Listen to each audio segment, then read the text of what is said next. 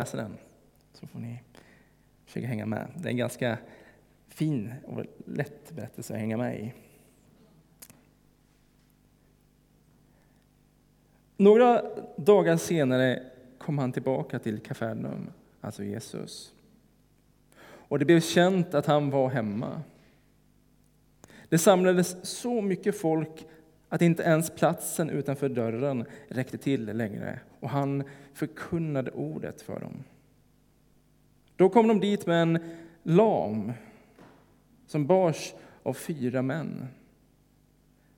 Eftersom de inte kunde komma fram till Jesus i trängseln så bröt de upp taket ovanför honom och firade ner bädden med den lame genom öppningen. När Jesus såg deras tro så sa han till den lame, mitt barn, dina synder är förlåtna. Nu satt där några skriftlärda och de tänkte för sig själva, hur kan han tala så? Han härdar ju. Vem kan förlåta synder utom Gud? Jesus förstod i sin ande vad de tänkte och sa till dem, hur kan ni tänka så i era hjärtan? Vilket är lättast, att säga till den lame, dina synder är förlåtna, eller säga, stig upp, ta din bädd och gå.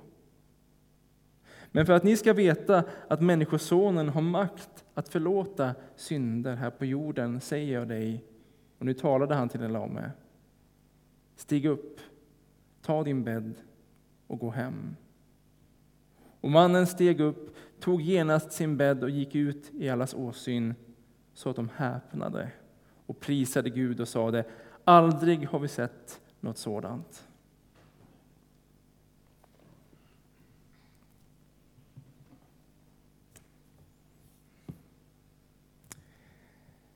Jag har följt väderkartorna lite grann den här veckan. Igår så var vi ute i, i regnet. Eh, det var fotboll hela förmiddagen. Så. Ingen höjdare Eh, med regnet, fotbollen var bra. Och så kollar jag i Kafarnaum. Idag regnar det i Kafarnaum. Kafarnaum som ligger på norra sidan av Genesarets sjö i norra Israel. Och jag såg att det är inte ovanligt att det regnar där. Det är inte lika ofta som det regnar här, men det hände där ofta också. Framförallt under den kyligare säsongen av året. Så det var lika sant då, då som det är nu. Att man behöver ha ett tak som håller tätt. Och det är få saker som är så viktiga när det kommer till ett hus. Så därför kommer den här frågan till oss idag ifrån dagens text. Hur skulle det kännas om det helt plötsligt var så att några började plocka bort takpannorna, riva bort läkten, ta bort pappen i undertaket, såga upp och göra ett stort hål i vårt tak där hemma. Eller här i kyrkan. Jag tror att vi skulle reagera ganska starkt faktiskt. Den första tanken. Och tycka att det var ju onödigt. Och så börjar man tänka på kostnaden i, i tid och i kraft och i pengar som det skulle behövas för att fixa i ordning det där sen. Och kanske skulle vi också bli ganska oroliga. Nu när vi tittar ut så är det ju klart väder. Men när som helst kan det ju komma en plötslig regnskur. Och då har vi ett stort elände framför oss som det hål i taket, ett stort hål.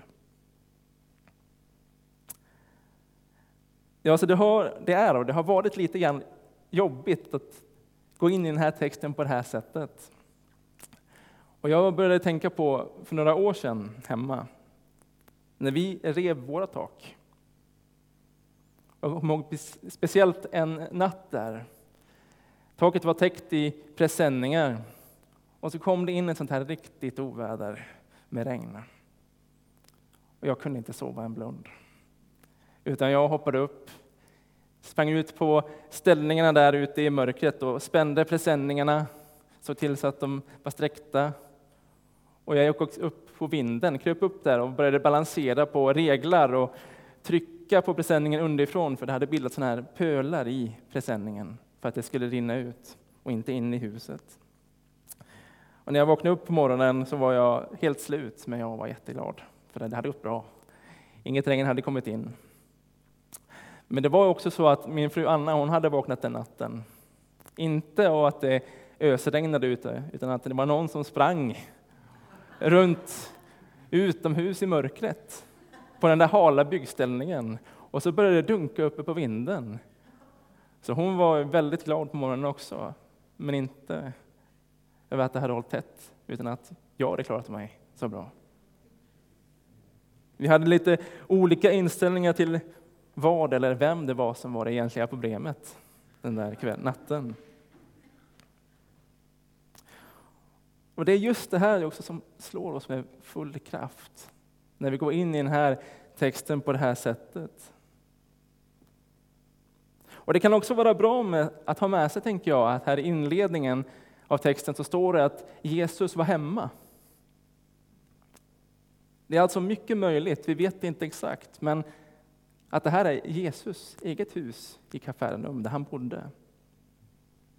Att det var det tak som de här fyra männen bröt upp. Vi vet ju också att Jesus han var snickare, så han visste precis vad det här innebar också, med ett hål i taket. Men trots allt detta var det frustrationen hos Jesus över hålet och att de har förstört taket och gjort någonting som riskerar att förstöra hela huset. Och går man djupare så ser man att det finns ännu mer runt omkring den här handlingen som kanske borde göra Jesus mer upprörd och uppgiven.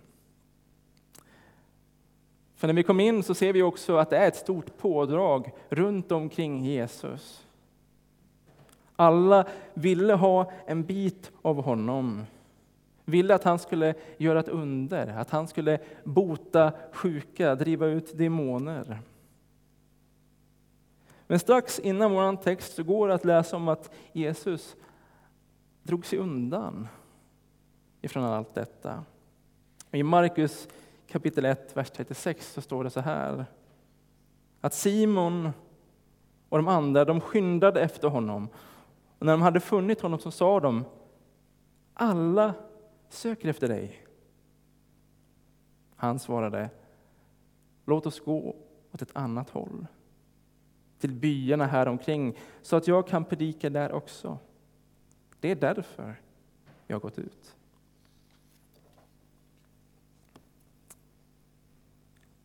Visst ville Jesus göra undrar bota sjuka, men inte bara det.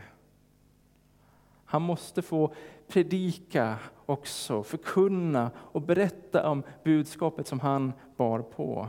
Det är därför jag har gått ut, säger Jesus i den där texten vi läste.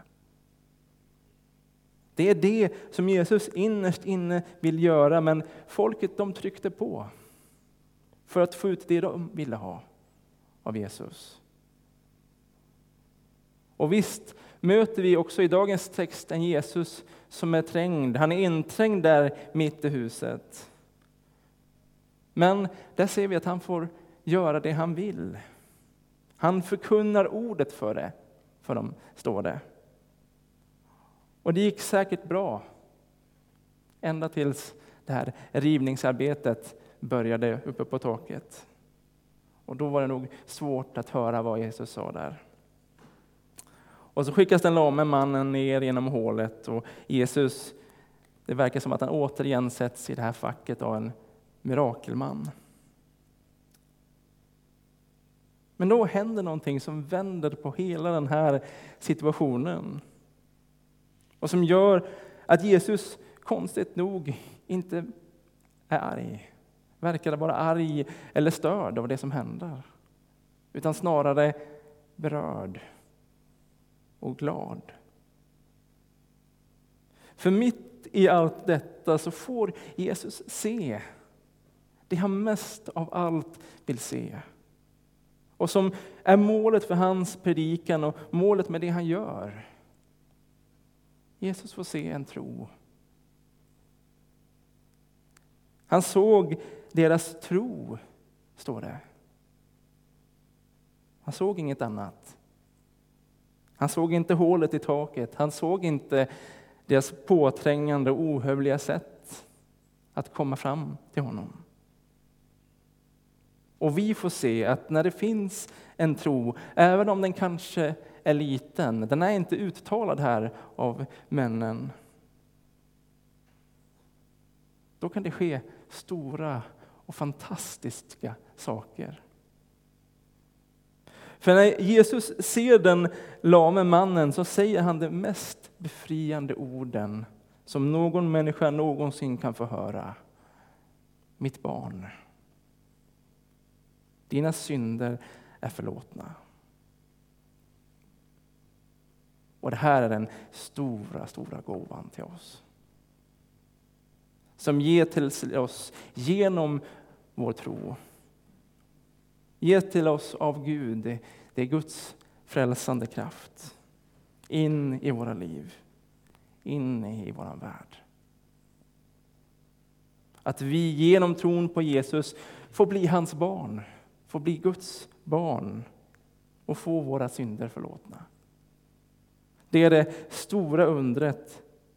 Men också ord ser vi här som skakar om och som vissa också tyckte var jobbiga att höra. För det här med synd, det har alltid varit ett laddat och svårt ämne där vi också om och om igen har hamnat fel. Men återigen kommer dagens text för att visa för oss och ge oss rätt perspektiv och hjälper oss att se vad som är allra viktigast när det kommer till hur vi ska tänka och tala om synd.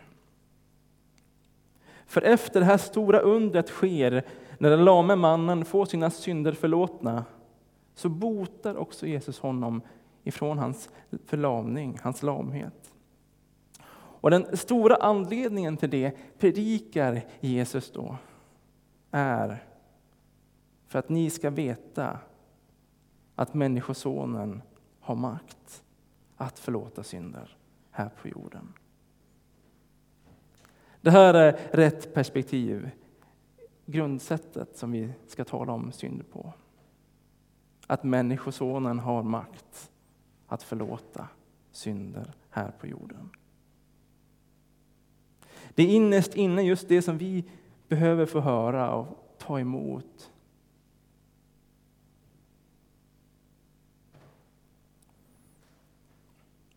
för att få rätt perspektiv. Och visst vill Jesus bota sjuka och visst kan han göra sådana under idag. Men det stora är det här undret som alltid sker genom tron när vi kommer till Jesus med våra synder. Syndernas förlåtelse, grundlösningen på det stora problemet i våra liv och i vår värld. Visst finns det andra allvarliga och stora problem. Ibland så går vår kroppshydda sönder. Ibland så drabbas vi av allt möjligt elände. Ibland blir det ett hål i taket. Ett stort hål. Men det dagens berättelse också säger till oss, återigen för att ge oss rätt perspektiv på våra liv, det är att allt det här är tuffa, det här jobbiga och eländiga som vi kan gå igenom i våra liv. Det har Jesus också gått igenom. För vår skull. För det var hans tak som bröts upp. Det var hans kropp som gick sönder för att vi skulle få komma till honom. Öppna den vägen. För att vi skulle bli räddade ifrån syndens grepp om våra liv. För att vi skulle få bli upprättade från topp till tå. Och redan idag så får vi ta emot orden, mitt barn, dina synder är förlåtna. Men en dag så är det ju faktiskt också slutgiltigt. En dag så är kampen slut på uppståndelsens dag, på upprättelsens dag då synden och döden inte finns mer. Då Jesus kommer att tala ut också detta över oss på ett tydligt sätt. Stig upp. Gå hem till Gud.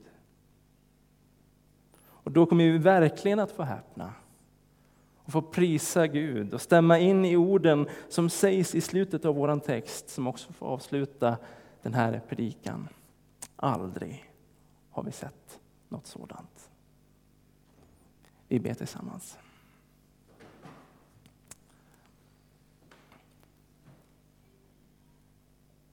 Tack Herre för att vi får möta dig här idag, Herre. Att du har öppnat upp vägen till dig. Och I din trasighet, Herre, så får vi bli hela. I vår svaghet möter du oss, Herre. Tack för att du kommer med rätt perspektiv. Tack för förlåtelsen. Att du vill förlåta oss våra synder. Tack för upprättelsen i dig. Vi vill hylla dig för det, Herre. Och sjunga till dig, Jesus. Amen.